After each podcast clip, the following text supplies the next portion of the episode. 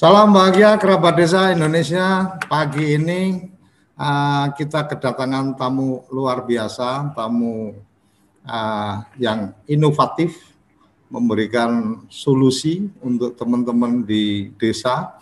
Secara khusus yang sudah di yang sudah banyak dikerjakan mungkin lebih ke teman-teman di desa pesisir menyelesaikan masalah apa kesulitan bahan bakar mungkin waktu itu nanti apa biar tamu kita bercerita langsung. Uh, ada Mas Amin yang biasa dipanggil Mas Amin Bengas. Jadi dari bensin ke gas mungkin ini. Selamat pagi Mas Amin. Selamat pagi Mas Kunco dan kerabat-kerabat desa se-Indonesia. Salam sehat, salam bahagia dan salam semangat selalu. Mantap. Mas Amin luar biasa ini kemarin uh, saya dapat apa kabar dari tim untuk kemudian uh, Mas ini ada yang menarik nih inovasi tentang apa uh, perangkat konverter dari gas untuk keperluan apa kan motor berbahan bakar bensin dan seterusnya. Tapi kayaknya karena saya sudah punya satu video tentang apa uh, ben gas ini Mungkin kita sebelum apa memberikan kesempatan Mas Amin untuk berbagi cerita panjang lebarnya, kita saksikan dulu video yang sudah kami dapatkan seputar Mas Amin dan Ben Gas ya. Silakan.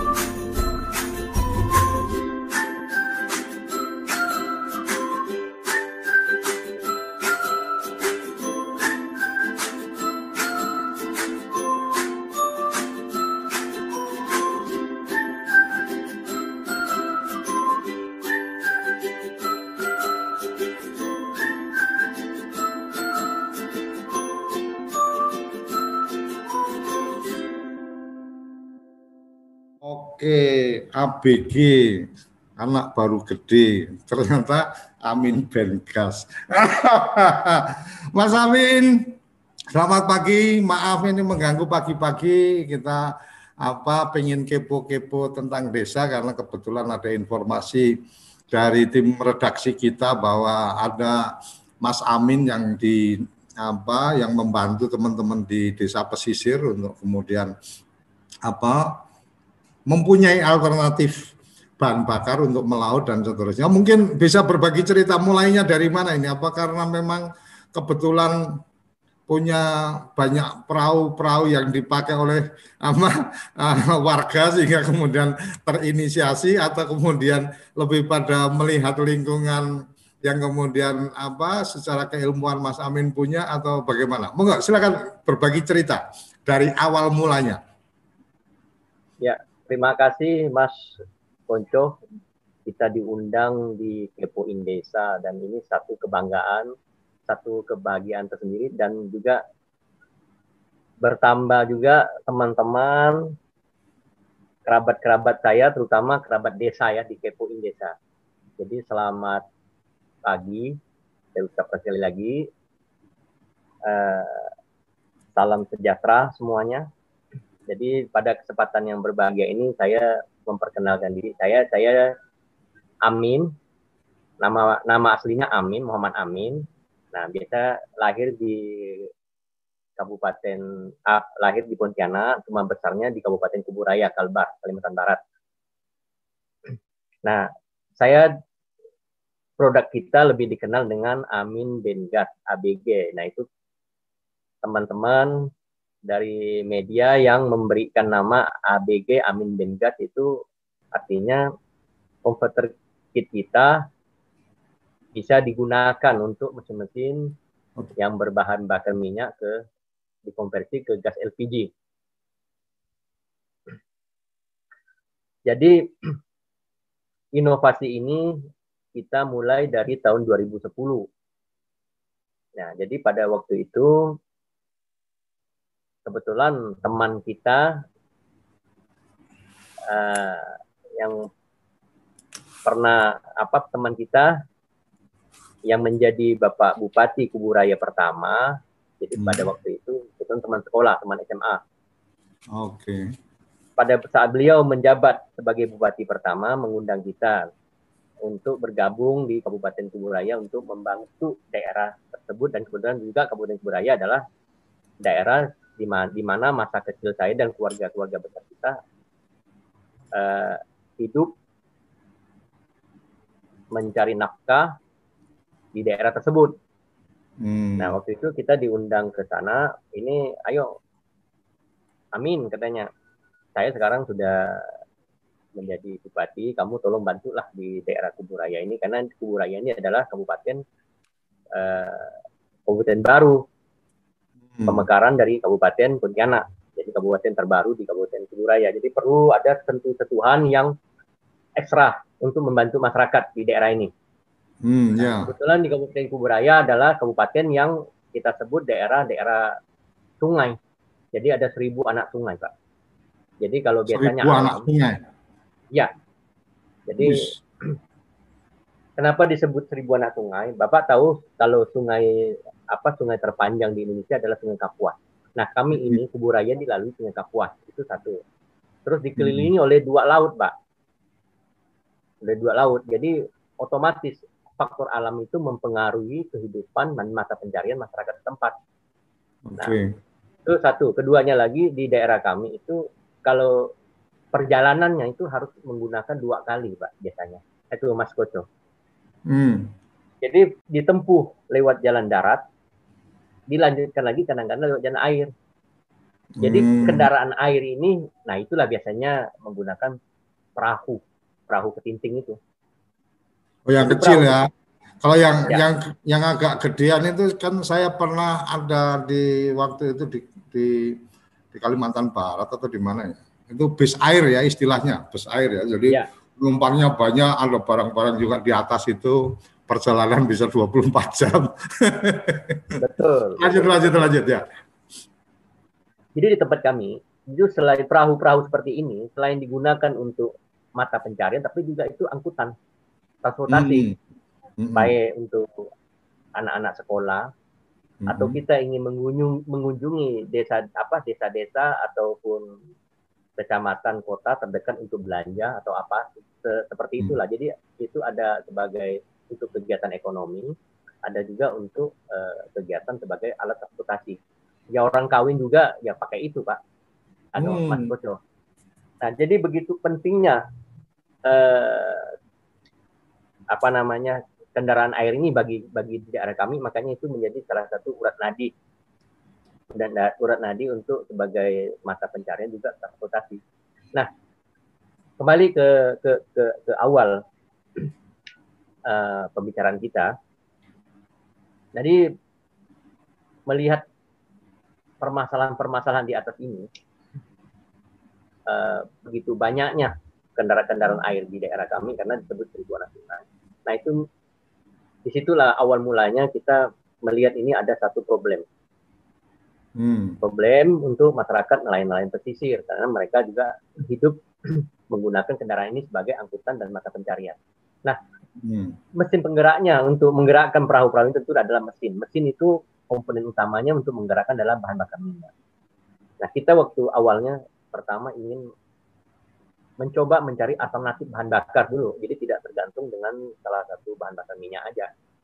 Hmm. Di tempat kami, Pak, kalau saat ada kelangkaan minyak itu luar biasa Pak lamanya. Nah itu kalau pernah ter sering terjadi Pak ya. Uh, kalau ada angkutan bahan bakar minyak dari luar daerah atau daerah kita kadang-kadang kalau ombak besar ya. itu kadang-kadang tertahan tidak bisa masuk. Tidak bisa masuk hmm. ke depot depot-depot penampungan bahan bakar minyak.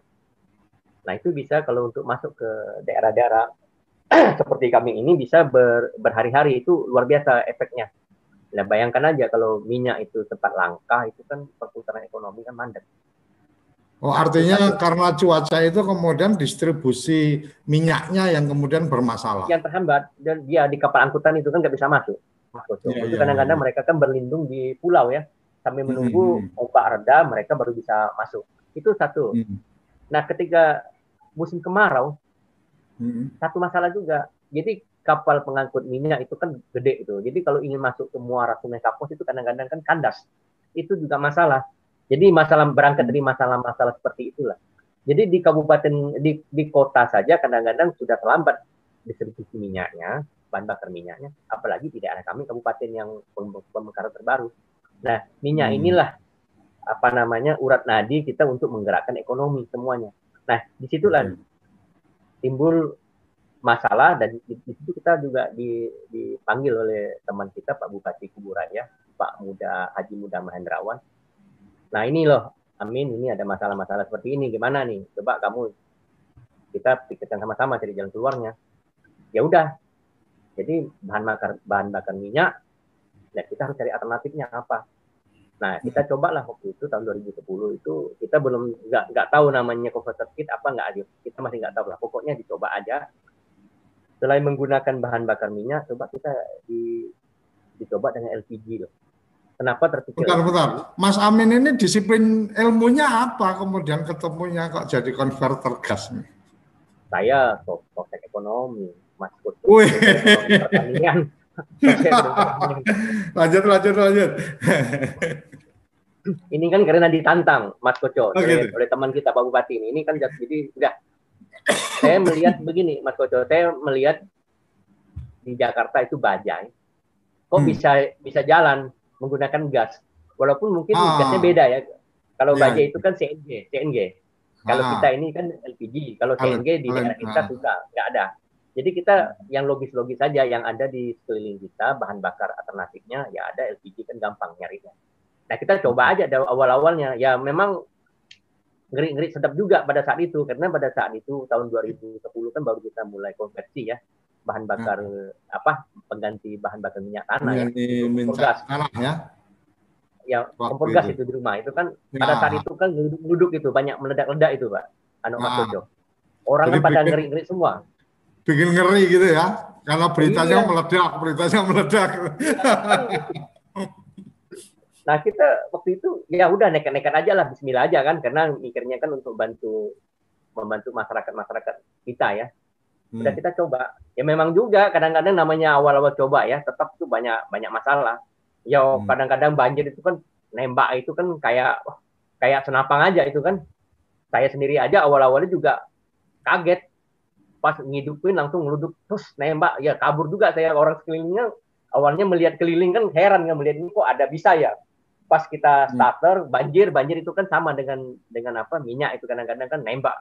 Itu pada pada kabur semua itu termasuk gitu, saya ya? juga ah, jadi itu ada jadi di balik kisah itu ada ada hal-hal yang lucu nah seperti itu salah satunya nah juga kita kenangan kita uji coba di lapangan di air ya kita ya menggerakkan juga kita juga tempat dikejar dengan buaya pak tempat kita oh, gitu. muara buaya-buaya itu galak-galak jadi kalau kita hmm. uji coba itu kadang-kadang kan harus menghitung apa namanya ketahanan mesin, terus berapa posisi bahan bakar itu nggak boleh berhenti. Nah kadang-kadang dari pagi sampai malam. Nah itu yang biasanya keluarnya barang-barang kayak begitu kan biasanya udah maghrib itu keluar. Nah sempat ini kita pakai pakai perahu kita nabrak itu pak. Dia lagi timbul itu pas malam itu. Udah hmm. dikejar kabur juga berhenti. Nah itu dibalik-balik cerita itulah ya. Nah jadi waktu itu kita coba hidup jalan udah senang kita Mas Koco jadi artinya ada alternatif ya tapi hmm. ya awal-awalnya juga apa adanya dulu yang penting bisa bergerak nah waktu itu jalan terus kita kita uji lagi uh, apa ada efeknya ke mesin nah ternyata hmm. lumayan bagus mesin tidak ada efek terus yang terpenting ini ada nggak selisih penghematannya, efisiensinya. Nah, ternyata hmm. ini loh. Di sini yang luar biasa. Kita nggak nyangka. Awal-awalnya selisihnya cuma satu banding tiga. Hmm. Karena alat kita juga belum sempurna. Karena generasi satu, dua, tiga. Dan yang sekarang yang yang sudah beredar di di pasaran itu kan generasi sembilan, Mas Koco. Dari pengembangan kita, kita selalu bergerak menyempurnakan alat-alat kita. Nah, generasi ke-9 sudah. Sekarang sembilan yang sudah dipakai yang beredar hmm. se-Indonesia. Hmm. Nah, kenapa banyak generasi? Nah ini nih, ini satu ini yang jadi kelinci percobaan kita itu nelayan, Mas Koco. Nelayan-nelayan kita mau. Jadi kita kita ajak nelayan-nelayan kita meyakinkan mereka bahwa kamu jadi kelinci percobaan saya, tapi mohon maaf saya bilang saya tidak asuransi. Jadi banyak juga yang mundur karena takut hmm. itu di yang kompor-kompor rumah tangga yang banyak meledak-meledak itu. Tapi hmm. saya yakin mereka bahwa uh, ketika kita menggunakan di perahu itu kan mobile tempat terbuka. Hmm. Jadi kalau gas itu tidak akan meledak kalau jumlah gasnya oh. tidak lebih banyak daripada udara. Ya, hmm. Ya tapi juga banyak yang takut. Tapi yang nekat juga banyak. Udah saya hmm. bilang ini kamu bagian daripada tim kita. Insya Allah kalau seandainya ini bisa besar, bisa dipakai nasional, kalian loh orang pertama yang paling mengerti, paling mengetahui bagaimana menggunakan converter kit ini. Dan insya hmm. Allah hmm. kita kita kirim. Nah terbukti sekarang Mas Koco. Tiap hmm. tahun kita sudah berjalan lima tahun itu yang berangkat berangkat untuk pemasangan ke Indonesia itu nelayan-nelayan awal kita dari, dari Kabupaten Juraya ini Kalbar. Jadi kita oh, mereka artinya, kita kirim. Artinya mereka-mereka yang menjadi user awal itu sekarang kemudian uh, dijadikan duta untuk melakukan pemasangan-pemasangan di tempat-tempat yang kemudian ya. akan menggunakan konverter itu. Ya, se Indonesia. Jadi tiap tahun ini kan ada ada pembagian, ada hibah dari pemerintah pusat ya di Kementerian SDM. Itu seperti tahun ini kan rencananya kan 50 ribu unit ya lengkap ya untuk hmm. nelayan hmm. dan petani pompa air. Itu terdiri hmm. daripada mesin, mesin penggerak, pompa hmm. kitnya, ada kalau untuk nelayan ada tambahan longsapnya, terus ada LPG 3 kilo dua buah. Itu untuk nelayan. Hmm. Kalau untuk kalau untuk petani pompa airnya terus ada tab, ada converter kitnya, ada tabung LPG dua buah. Nah itu dihibahkan. Oh, itu, itu bantuan pemerintah? Ya, dihibahkan. Dihibahkan hmm. dengan gratis tanpa dipungut biaya. Nah oh, untuk tahun okay, ini sebenarnya okay. tahun ini sebenarnya ada 50 ribu unit. Hmm. Kalau sama COVID. Karena COVID dipotong tinggal 35 ribu unit. Oke. Okay, nah, okay. Itu dibagi loh se Indonesia itu kalau untuk tahun ini lebih kurang 72 kabupaten kota di Indonesia. Hmm. Nah, tenaga ahlinya di mana? Dari kementerian nah, apa itu, Mas? Dari kementerian Bagaimana? apa? Mungkin tem, uh, kementerian supaya SDM. kabar desa juga mengetahui poten, apa peluang untuk apa ada hibah itu itu dari kementerian apa? Kementerian SDM, Mas Koco. Oh, Kementerian SDM, oke. Okay. Nah, jadi begini, jadi untuk daerah, saya sarankan kalau memang ingin mendapat hibah, tolong hmm. Kerjasama dengan pemdanya atau pemkotnya ajukan hmm. lewat dinas kalau untuk petani untuk nelayan dinas kelautan perikanan DKP ya hmm. kalau untuk petani di dinas pertanian dengan syarat kalau nelayan punya kartu nelayan. Kalau petani setidak-tidaknya KTP ditunjukkan bahwa yang bersangkutan petani supaya tepat sasaran bantuan ini. Dan ini oh, tidak dipungut biaya. pada identitas untuk tepat sasarannya ya, jangan sampai nanti Betul. Yang dapat juga akhirnya cuma disimpan aja nggak dimanfaatkan gitu kan. Itu masih bagus Mas Koco, itu lebih banyak dijual itu dia. Iya iya iya iya iya ya. Ada ada ada juga seperti itu jadi memang untuk apa yang penting dapat bantuan begitu dapat bantuan ada semua administratifnya sudah diselesaikan, ada foto ya. di diserahkan habis itu oh udah ditukar jadi lipetan duit lagi. Nah, jangan itu jangan terjadi itu pelanggaran hukum. Betul betul betul. Siap. Nah, nah ini diingatkan jadi kalau seandainya Anda bukan profesi nelayan atau petani, jangan hmm. mengajukan bantuan karena kasihan ada hak saudara kita yang lebih membutuhkan. Nah, jangan kita rampas seperti itu dan kita jadikan ladang bisnis lagi jangan dan itu juga melanggar aturan negara, peraturan pemerintah. Nah, itu saran kita. Nah, itu tiap tahun Mas Koco di di apa diadakan pemerintah pusat begitulah pemerintah saking sayangnya memperhatikan rakyat kecilnya ya Mas Koco Nah, jadi uh, untuk kerabat-kerabat di kerabat-kerabat desa kita, tolong disampaikan juga kalau memang ingin mendapatkan hibah gratis, ajukan saja ke dinas tempat. Dan hmm. pemerintah dengan uh,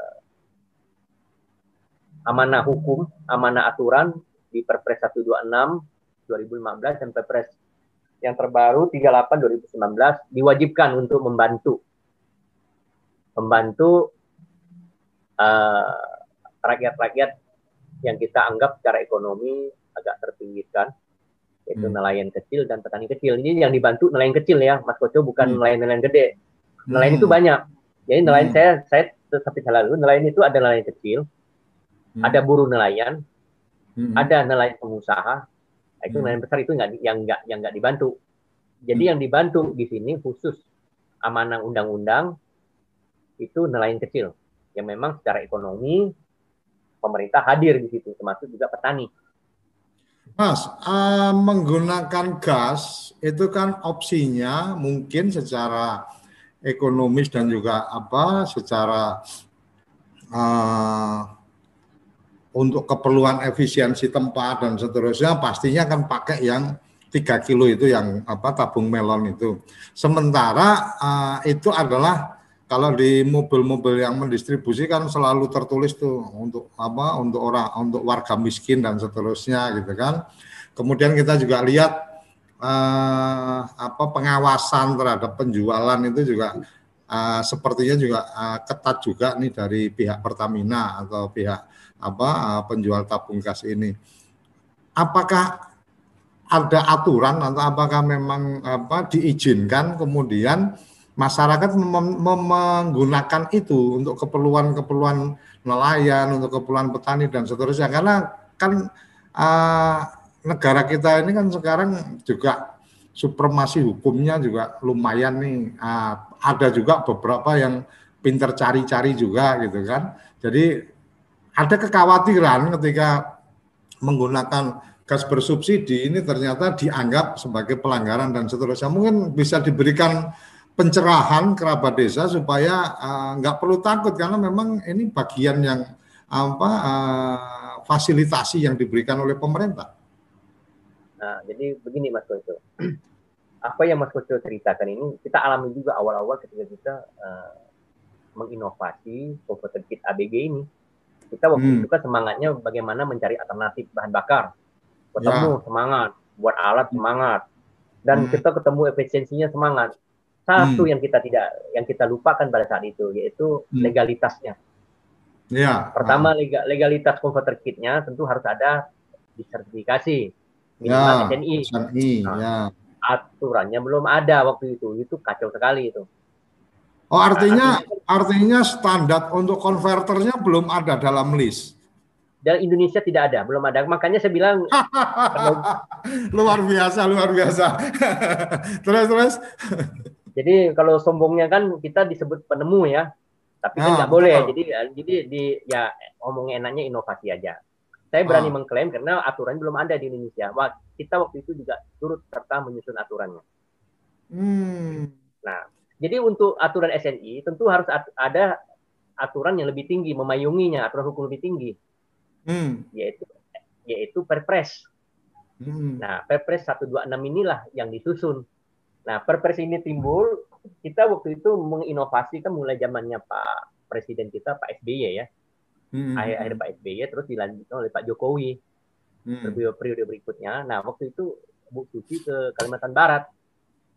Jadi waktu itu kita kan kita eh, kembali lagi ke belakang nih perspektif kita nih Pak Aduh Mas Mas Koco. Hmm. Jadi waktu kita launching dengan Pak Bupati Kuburaya kita undang media.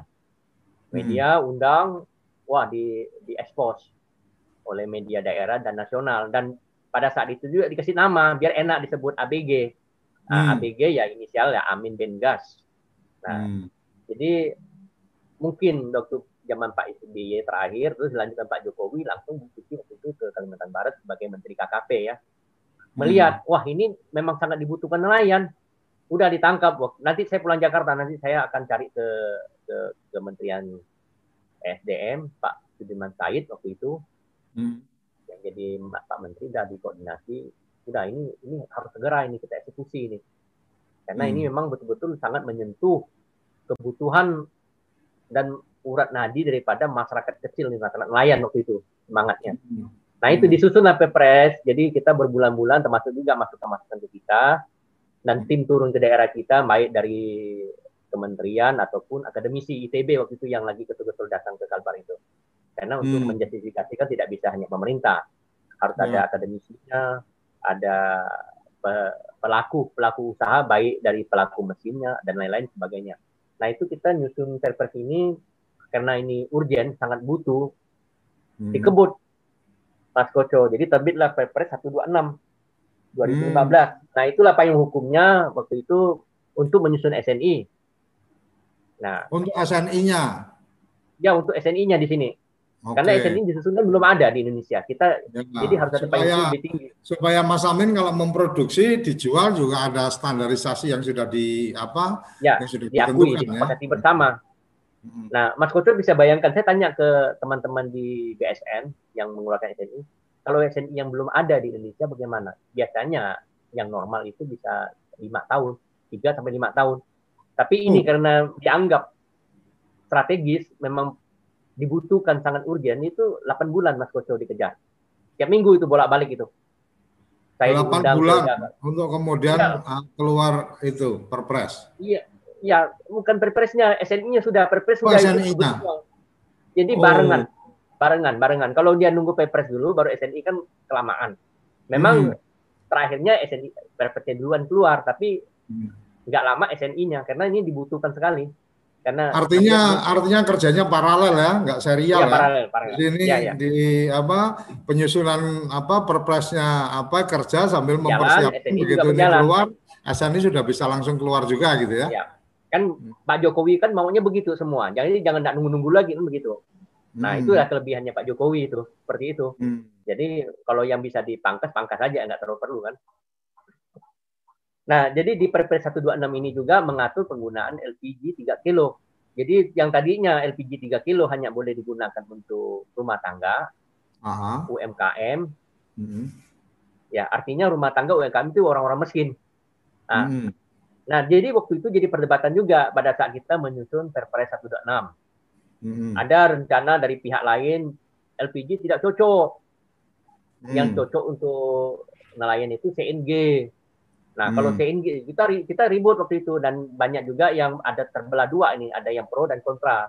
Nah, kalau hmm. seandainya LPG kalau kita menggunakan selain LPG, CNG artinya kan pemerintah kasihan. Mesti hmm. membuat tabung lagi itu proyek semua mesti pengisian. Ya. Nah, kita udahlah LPG lah. LPG kan tersedia di mana-mana. Ya. Nah, ya, nah, itu yang kita akhirnya sepakat menggunakan LPG sebagai pengganti bahan bakar minyak. Nah, hmm. di situlah Eh, di Perpres 126 diatur penggunaan selain UMKM dan uh, rumah tangga karena nelayan juga kita kategorikan mm-hmm. adalah masyarakat yang dengan tingkat ekonomi yang kategori miskin. Nah, di situ disepakati oke, okay, jadi terbitlah. Nah, jadi untuk jadi tidak lagi seperti kami ini. Saya waktu awal-awal coba pakai pemerintah daerah juga semangat waktu itu, kembali lagi uh, cerita ke belakang sedikit. Tapi selalu pilot project, tidak boleh pengadaan gede-gede. Sementara di daerah kami waktu awal kita luncurkan kan semangatnya orang pada mau nyari nih alat ini. Tapi hmm. karena ini belum ada payung hukumnya, dia tidak bisa banyak-banyak, hanya pilot project pilot project aja. Nah itulah jadi semangat kita bagaimana mendorong ini menjadi legal dan bisa hmm. dimasalkan. nah Artinya saya juga bisa, pernah bisa melakukan produk massal gitu ya? Ya. Nah waktu itu pernah kita di daerah juga sempat juga di di apa di dicari aparat bawa bawa tamu LPG banyak-banyak mau ngapain dikiranya kita mau di apa disalahgunakan. Nah kita hmm. maklumi Nah, kita beri penjelasan ke aparat-aparat hukum dan kita undang Pertamina waktu itu di daerah ya. Kita hmm. jelaskan bahwa ini oh, oke okay, kata Pertamina, tapi kami tidak juga berani memberikan apa namanya uh, jadi izinkan tapi tutup mata sebelah lah begitu Mas Koco. Hmm. Karena menyangkut ini kan kebutuhan masyarakat kecil, tapi secara aturan belum ada. Nah, hmm. tapi sambil jalan bilang tolong kita ramai-ramai dorong lah ini. Nah, itu sekilas balik ceritanya uh, Mas Koco. Jadi It, untuk, untuk itu yang secara spesifik untuk keperluan nelayan atau nelayan. Jadi nelayan petani UMKM? Belum. Jadi untuk nelayan, enggak kalau UMKM dan dan rumah tangga itu sudah ada perpres sendirinya. Itu dari awal sudah oh, ada. Okay, okay, okay. Nah, ya. Jadi yang nelayan ini khusus untuk pengguna nelayan itu Perpres 126 2015. Hmm. Terus berkembang kemarin yang dari petani pompa air minta ini daerah Jawa ini penggunaan apa pompa air pada musim kemarau kan luar biasa dan konsumsi bahannya bahan bakarnya luar biasa. Jadi hmm. disusun lagi nih perpresnya terbitlah Perpres 38 2019 itu menyempurnakan Perpres 126 2015 selain hmm. petani sekarang eh selain nelayan sekarang petani juga boleh menggunakan eh, tabung LPG 3 kilo untuk sebagai bahan bakar pengganti di pompa airnya Mas Koco. Nah, hmm. jadi Perpres 38 2019. Jadi sekarang jadi kalau teman-teman ingin eh, menggunakan converter kit untuk mengkonversi bahan bakar minyak ke gas LPG, jangan khawatir. Jadi sudah ada dua payung hukum yang menaungi kegiatan ini menggunakan penggunaan uh, tabung LPG kilo. Nah, itu satu. Sebagai tambahan juga, Mas Koco. Jadi kalau seandainya sekarang tidak menggunakan LPG 3 kilo, bagaimana efisiensinya? Masih tercapai hmm. atau tidak? Hmm. Saya katakan masih sangat tercapai. Karena ketika kita menggunakan yang subsidi, itu satu banding 70 persen ya, 70 persen lebih hemat. Nah kalau sekarang hematnya uh, 70 persen. 70 persen. Oke. Jadi, jadi artinya nelayan atau petani belum produksi saja mereka sudah saving, sudah menyimpan. Dari selisih bahan bakar itu mereka sudah menghemat 70 persen, Mas Koco. Artinya cost production dari teman-teman petani maupun nelayan itu akan jadi lebih hemat ketika kemudian menggunakan konverter ini, menggunakan ya, bahan bakar gas bahan bahan bakar gas. Jadi mereka hanya operasional 30 persen aja sebenarnya. Hmm.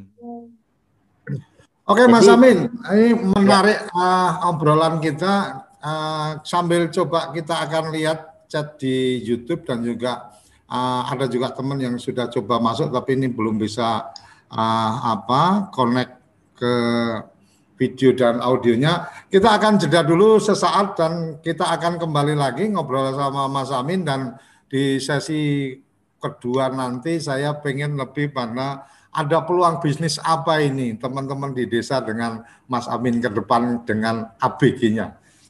Kita Kamu tinggal di pulau terpencil, pegunungan pinggiran kota, atau daerah di Indonesia yang tidak terjangkau jaringan fiber ADSL, dan juga 3G. Internetan dengan cepat pasti cuma akan menjadi mimpi. Mau pakai tol langit, pakai desa wifi, kunjungi www.desawifi.id. Ayo, kandidat kepala daerah, manfaatkan kesempatan ini. TV Desa mengundang Anda bicara desa. 5 menit bisa Bicara Desa Sebuah program tayangan monolog Konsep membangun dari desa Dari kandidat untuk masyarakat 5 menit bisa Bicara Desa Hanya di TV Desa.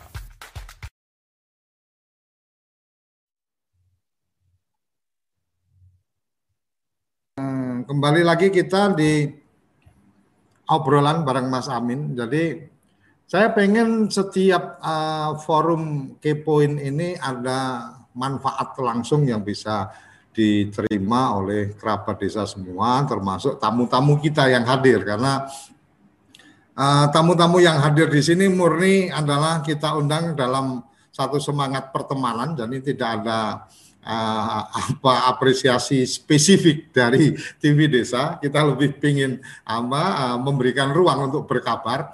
Dan uh, Mas Amin, ketika tadi sudah SNI sudah, kemudian apa penggunaan massal dengan program-program dari apa uh, Kementerian SDM juga sudah uh, berjalan dan seterusnya uh, perangkat ini kan dijual untuk publik juga kan berarti kan karena sudah SNI. Nah, jadi Mas Koco untuk sebenarnya ya. untuk sementara ini karena ada kegiatan di Kementerian SDM, hmm. kami sebenarnya lebih fokus memenuhi permintaan dari pemerintah. Oh, Oke. Okay. Tapi tidak menutup kemungkinan ke depannya ketika hmm. pemerintah hmm. sudah tidak kan pemerintah tidak mungkin selamanya mensubsidi dan menghibahkan kepada uh, nelayan dan petani kita. Tentu ada hmm. batas waktunya. Nah, ketika pada waktu itu tidak lagi pemerintah mengadakan apa namanya uh, hibah-hibah, kita tetap pasti ke depannya akan kita lakukan penjualan bebas. Hmm. Nah, tapi paling tidak untuk sementara ini untuk teman-teman kerabat desa, siapa tahu pas kegiatan kita ada di daerah tersebut. Seperti tahun ini kan ada 72 daerah. Nah, hmm. biasanya kalau kita kerja, kita itu menggandeng masyarakat tempat. Hmm. Nelayan kita loh ya, nelayan kita yang kirim di sana ya. sebagai instruktur dan mereka akan melatih melatih nelayan atau pemuda setempat untuk okay. sebagai tenaga instalasinya ketika kita sudah pulang. Hmm. Nah, kan itu satu. Keduanya lagi biasanya kita akan meninggalkan uh, sebagai layanan purna dua sebagai Pak 38. Nah itu juga biasanya kalau yang di daerah Jawa kemarin di Paguyuban ya, operasi dan Paguyuban. Kita kerjasamakan. Itu hmm. untuk layanan purna dua. Dan kalau ada kerusakan apa kan paling tidak kan pemuda tempat kita latih, mereka tidak tahu. Nah itu juga mungkin peluang-peluang kerja. Tapi untuk hmm. penjualan uh, komputer kitnya kita menunggu sampai selesai program pemerintah ini karena kamu fokus ke sini. Jadi kalau pemerintah sudah menganggarkan, kita kan harus tegas, Pak, Mas, Mas Koco. Jadi nggak boleh kita apa namanya target. Kita tidak mau kan selamanya stigma bahwa produk dalam negeri produknya abal-abal. Satu, keduanya hmm. kalau ketiga diminta pemerintah hmm. dalam partai jumlah partai besar tidak bisa memenuhi. Tapi hmm. itu insya Allah di di apa namanya di di kita di kompetensi ABG tidak. Kita uh, sebagai informasi pabrikasi kita di Bekasi, Mas Jojo. Di Bekasi? Bekasi, Bekasi. Wah, boleh nanti kapan-kapan kita main ke sana. Kalau ya, Bekasi kan dekat. Ya, jadi di Mas Amin, Mas Amin, mungkin uh, sebagai gambaran nih, sebagai gambaran karena saya melihatnya kan uh, yang seperti ini kan harus apa dimas dimasyarakatkan, dimasalkan karena kita bicara efisiensi. Hari iya. ini dengan pandemi kita sudah banyak belajar tentang bagaimana efisiensi berkomunikasi yang harusnya kita silaturahmi tatap muka harus perjalanan jauh dan seterusnya kita dengan video konferen dan seterusnya artinya efisiensi menjadi sesuatu yang sangat penting. Nah, ketika bicara bahan bakar untuk nelayan ada proses ada konverter ini yang kemudian bisa membuat apa eh, teman-teman uh, kerabat kita di desa yang petani dan nelayan ini bisa mendapatkan efisiensi ini kan uh, satu peluang yang perlu kita dorong nih. Nah, ya. uh, mungkin sebagai gambaran aja, sebagai gambaran kalau umpama uh, kemudian ini uh, jadi kesempatan untuk bermitra dengan teman-teman bumdes atau teman-teman kelompok tani dan seterusnya gitu kan. Itu gambarannya satu perangkat konverter itu harga sampai berapa mas? Untuk saat ini ya. Nanti kalau ke depan pastinya kan, oh ada perubahan-perubahan nilai apa bahan baku dan seterusnya mungkin berubah tapi supaya kita juga dapat gambaran oke okay, kalau mama mesin pompa saya tidak dapat apa bantuan nih hibah dari pemerintah tapi melihat ini uh, efisien nih untuk kita kebetulan mungkin kelompok tani itu ada yang apa ada yang kemudian menyewakan apa uh, perangkat pompanya dan seterusnya kan sangat mungkin itu kemudian menggunakan bahan bakar uh, gas sebagai apa pengganti bensin gitu kan. Dia kan bisa oh berarti ada investasi tambahan berapa kemudian uh, beli tabungnya minimalnya dua untuk gantian dan seterusnya.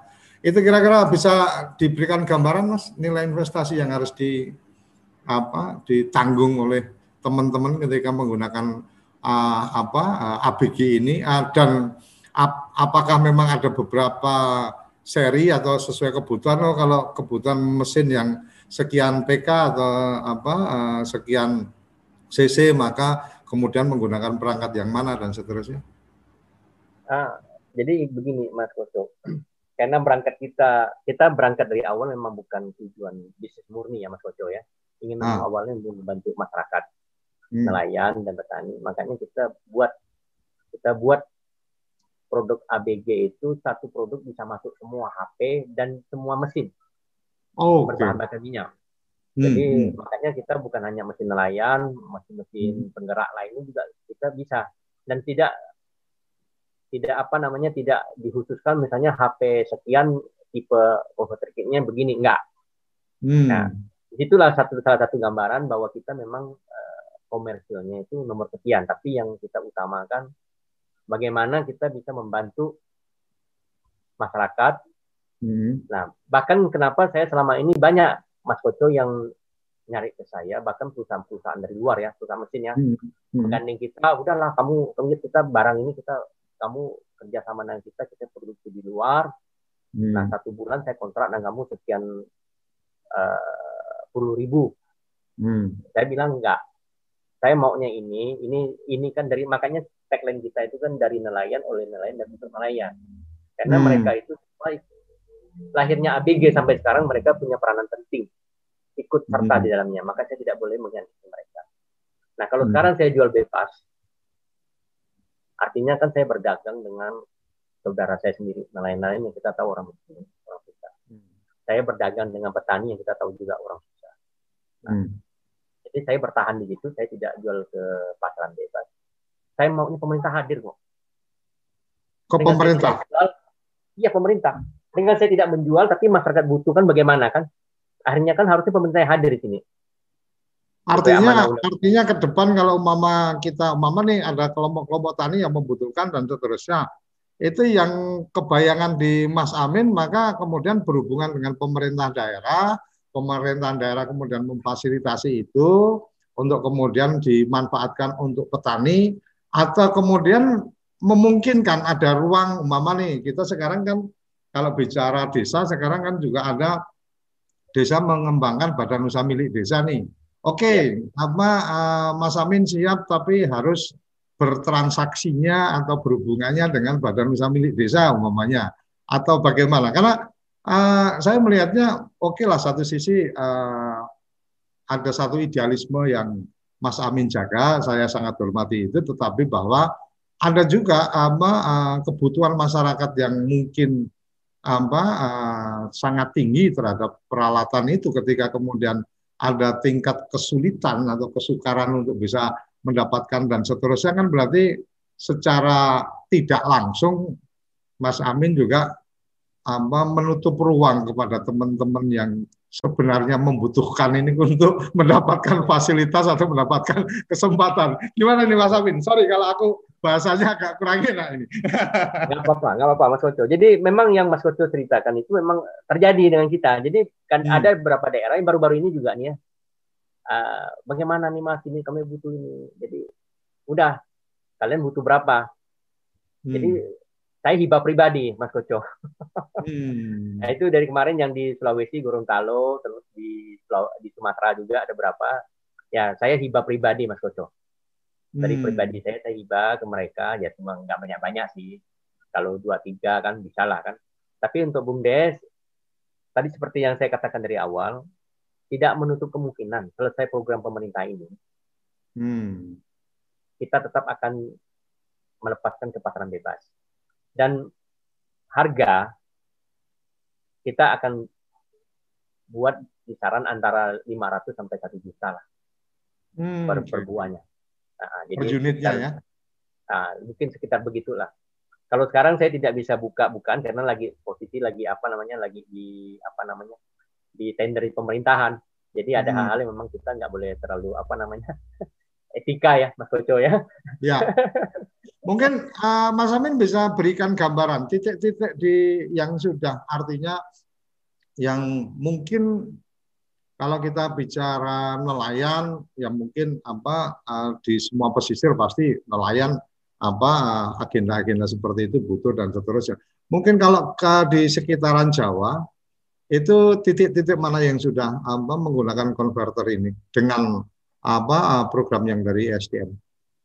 Waduh, Oh, kalau sudah mungkin ada teman-teman yang pengen oh lihat kayak apa sih dan seterusnya. ya, ya, ya. Jadi kalau lokasi saya udah nggak terlalu hafal nih saking banyaknya. Udah lima tahun berjalan nih. Ah, Hmm. Jadi kita saja sudah nyebar itu udah dari kami ABG aja udah hampir 50 ribuan itu semuanya. Jadi udah lokasi Hmm. udah nggak terlalu hafal. Tapi kalau pesisir Jawa, alhamdulillah mungkin sudah tersentuh semua. Termasuk Pesisir daerah- Jawa sudah pada kenal berarti ya. ya di daerah Jepara, Cilacap ataupun di daerah apa namanya nih eh, Jawa Timur ya. Hmm. Tapi rata-rata sih kayaknya udah masuk semua lah, Mas Bejo. Nah kayak Dan, dan pemantauan Mas Amin ini dimanfaatkan dengan apa eh, maksimal oleh teman-teman itu atau ma- kan ah, walaupun artinya ibarat kata kalau kita bicara bisnis kan bicara purna jual ya. Artinya ya ya bicara komunikasi lanjutan setelah uh, user atau setelah konsumen itu menggunakan. Itu sempat ada apa komunikasi-komunikasi berlanjut. Karena saya lihat kalau sampai apa uh, sudah sampai ke seri yang kesembilannya atau apa produk yang apa uh, selalu di diupdate otomatis kan salah satu update-nya itu pasti mendengar dari konsumen kan gitu. Oh ini kayak gini, oh ini seperti ini. Akhirnya kemudian apa dari tim risetnya kemudian mencari solusi dan seterusnya. Ah, sampai hari ini komunikasi ke teman-teman apa pemanfaat seperti apa? Eh, jadi kita begini, Mas Koco. Jadi setiap eh, di daerah yang kita dibagi oleh pemerintah, kita selalu mengambil kontak daripada eh, kontak ketua kelompok taninya ataupun kelompok nelayannya, ketua pagibannya. Nah, terma- termasuk juga di dinas dinas tempat. Hmm. Itu itu salah satu kita untuk mem- memonitor. Keduanya Hmm. lagi kita setelah pembagian kita tahun berikutnya ada namanya service campaign. Apa? Eh, Service campaign. Ah, tahun berikutnya. Jadi kita eh, untuk servis ulang ada kegiatan servis ulang. Oh, oke oke oke. Nah itu kita biasa melakukan dengan perusahaan mesin juga bersama-sama kita turun. Nah itu juga bagian daripada monitoring kita ke lapangan. Nah terus Hmm. pertanyaan kita apakah itu semua dipakai? Saya jujur tidak semuanya, Mas Toto. Karena Hmm. begini kita mengubah mindset. Mengubah mindset sekali lagi saya mengatakan kenapa tadi dari 2010 sampai sekarang baru berjalan sampai tahap ya saya anggap agak lamban Hmm. karena mengubah mindset kebiasaan masyarakat turun temurun menggunakan bahan. Pakai gas itu tidak gampang. Kalau gas kan kita mesti bawa tabung, tetek bengek kan. Dan Hmm. kadang-kadang agak repot. Nah, keduanya juga ya terus terang lagi tanda tanda kutip kembali lagi cerita saya yang pertama.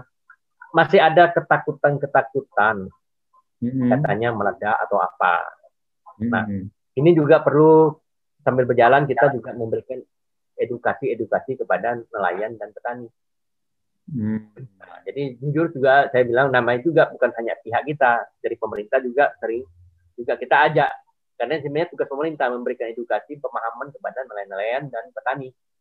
Tapi Hmm. secara umum kita anggap 80 persen ya, Hmm. 80 sampai 90 persen digunakan Mas Koco. Hmm. Nah untuk monitoringnya itu, jadi jadi setelah pembagian tahun berikutnya kita kita ada kunjungi lagi untuk service campaignnya. Nah untuk layanan purna jual juga sama dari kontak-kontak apa namanya eh, kontak ketua kelompok atau kepala apa ketua paguyuban, nah itu kita akan hmm. ketahuan ataupun di koperasi-koperasi nelayan, Mas Koco, seperti itu. Oke, artinya artinya terus terpantau ke ke teman-teman apa user juga oke okay, ada keluhan-keluhan apa kemudian apa memang harus ada penanganan artinya servis apa ya. uh, itu juga di, dilakukan ya. Ya ya.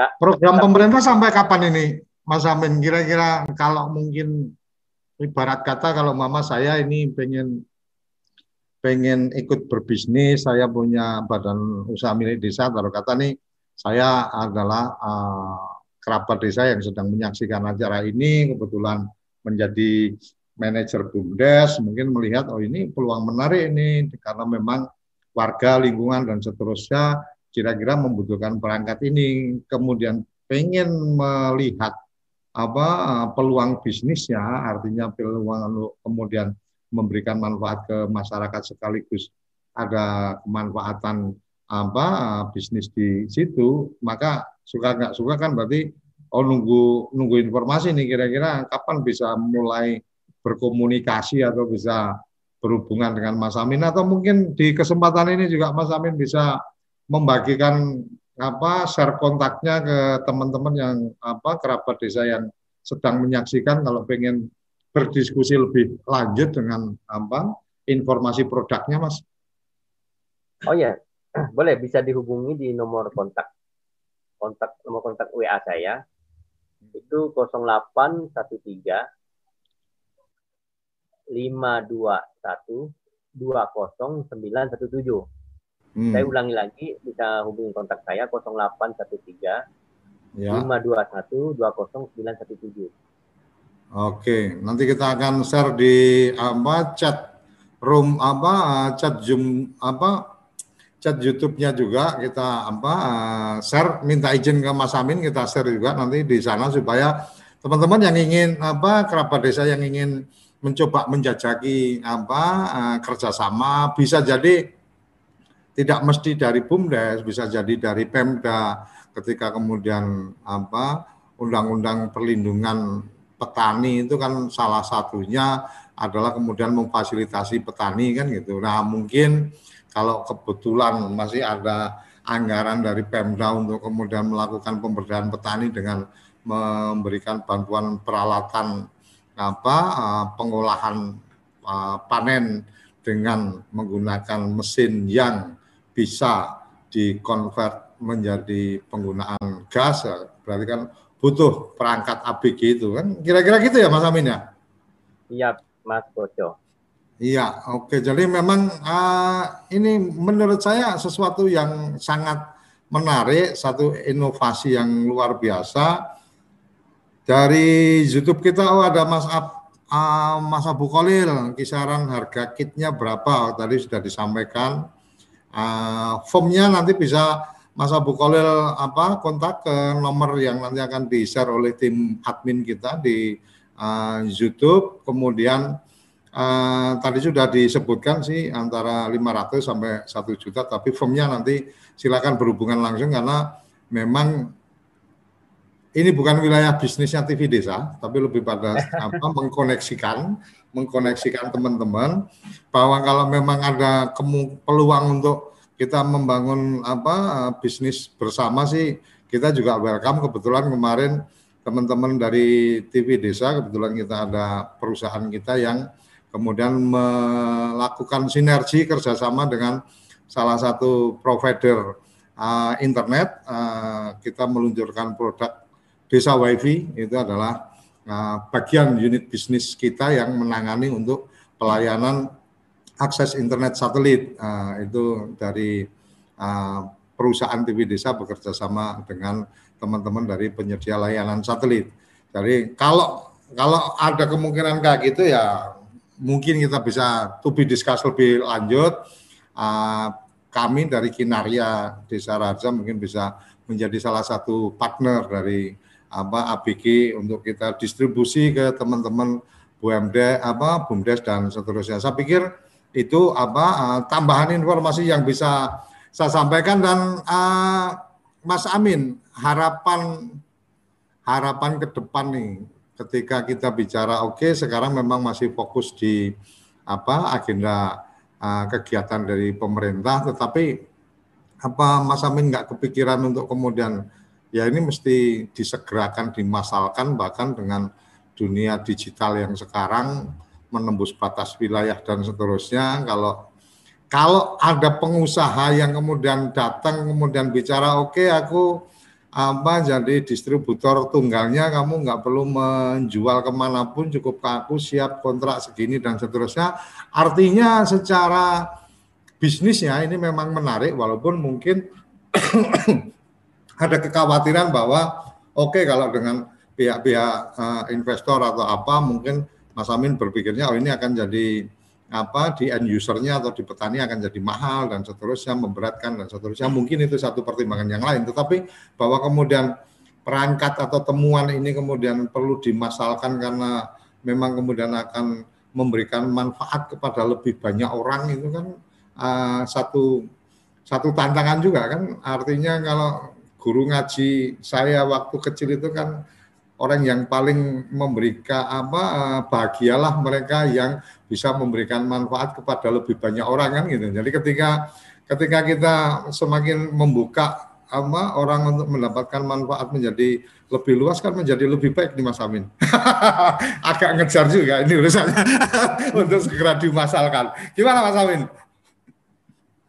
Mungkin ya, sekaligus closing statement ini. Kita masih ada sisa waktu tiga menit. Jadi tantangan itu uh, Mas Amin akan uh, mungkin sudah punya agenda boleh di share di kesempatan kali ini. Sekaligus closing statement karena waktu kita ternyata nggak terasa ini sudah 60 menit. Silakan kira-kira agenda-agendanya seperti apa atau mungkin di momen ini juga sekaligus Mas Amin akan menyampaikan ayo pada saatnya ABG hanya akan terkoneksi dengan jaringan Badan Usaha Milik Desa. Umpamanya ini kan sesuatu yang luar biasa nih teman-teman di desa yang jumlahnya 43.945 desa di seluruh Indonesia punya badan usaha milik desa salah satu apa produk yang bisa dipasarkan adalah ABG umpamanya seperti itu. Monggo Mas Amin. Sekaligus ya, closing statement. Ya, terima kasih Mas Koco. Jadi uh, kita sebagai apa uh, produk ABG tidak menutup kemungkinan ke depannya akan membuka peluang-peluang kerjasama seperti itu. Tapi itulah, saya mohon sekali lagi kita uh, biar kasih kami kesempatan dulu. Pertama untuk melaksanakan program pemerintah kami fokus di sini. Nah, keduanya biar dengan dengan adanya program pemerintah ini kita mensosialisasikan lagi kepada nelayan dan petani karena ini perlu waktu Mas Toto dan seperti hmm. yang saya katakan jadi biar lewat program pemerintah kita lebih mensosialisasikan lagi kepada nelayan dan petani ketika mereka sudah terbiasa menggunakan gas LPG nah untuk ke depannya tidaklah menutup kemungkinan peluang-peluang kita untuk menjual atau bersisi langsung kepada kepada nelayan dan petani. Nah, hmm. jadi saya sangat berterima kasih dan terapresiasi dengan ajakan dari Mas Koso untuk bergabung uh, memasarkan produk kita lewat bumdes-bumdes. Dan memang ya mudah-mudahan ke depannya kita memang akan menggunakan uh, peluang pasar seperti itu Mas Koso.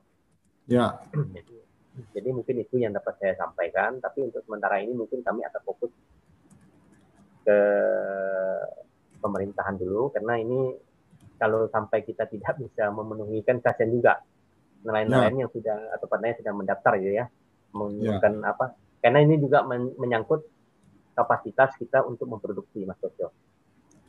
Jadi mungkin itu sementara jawaban saya.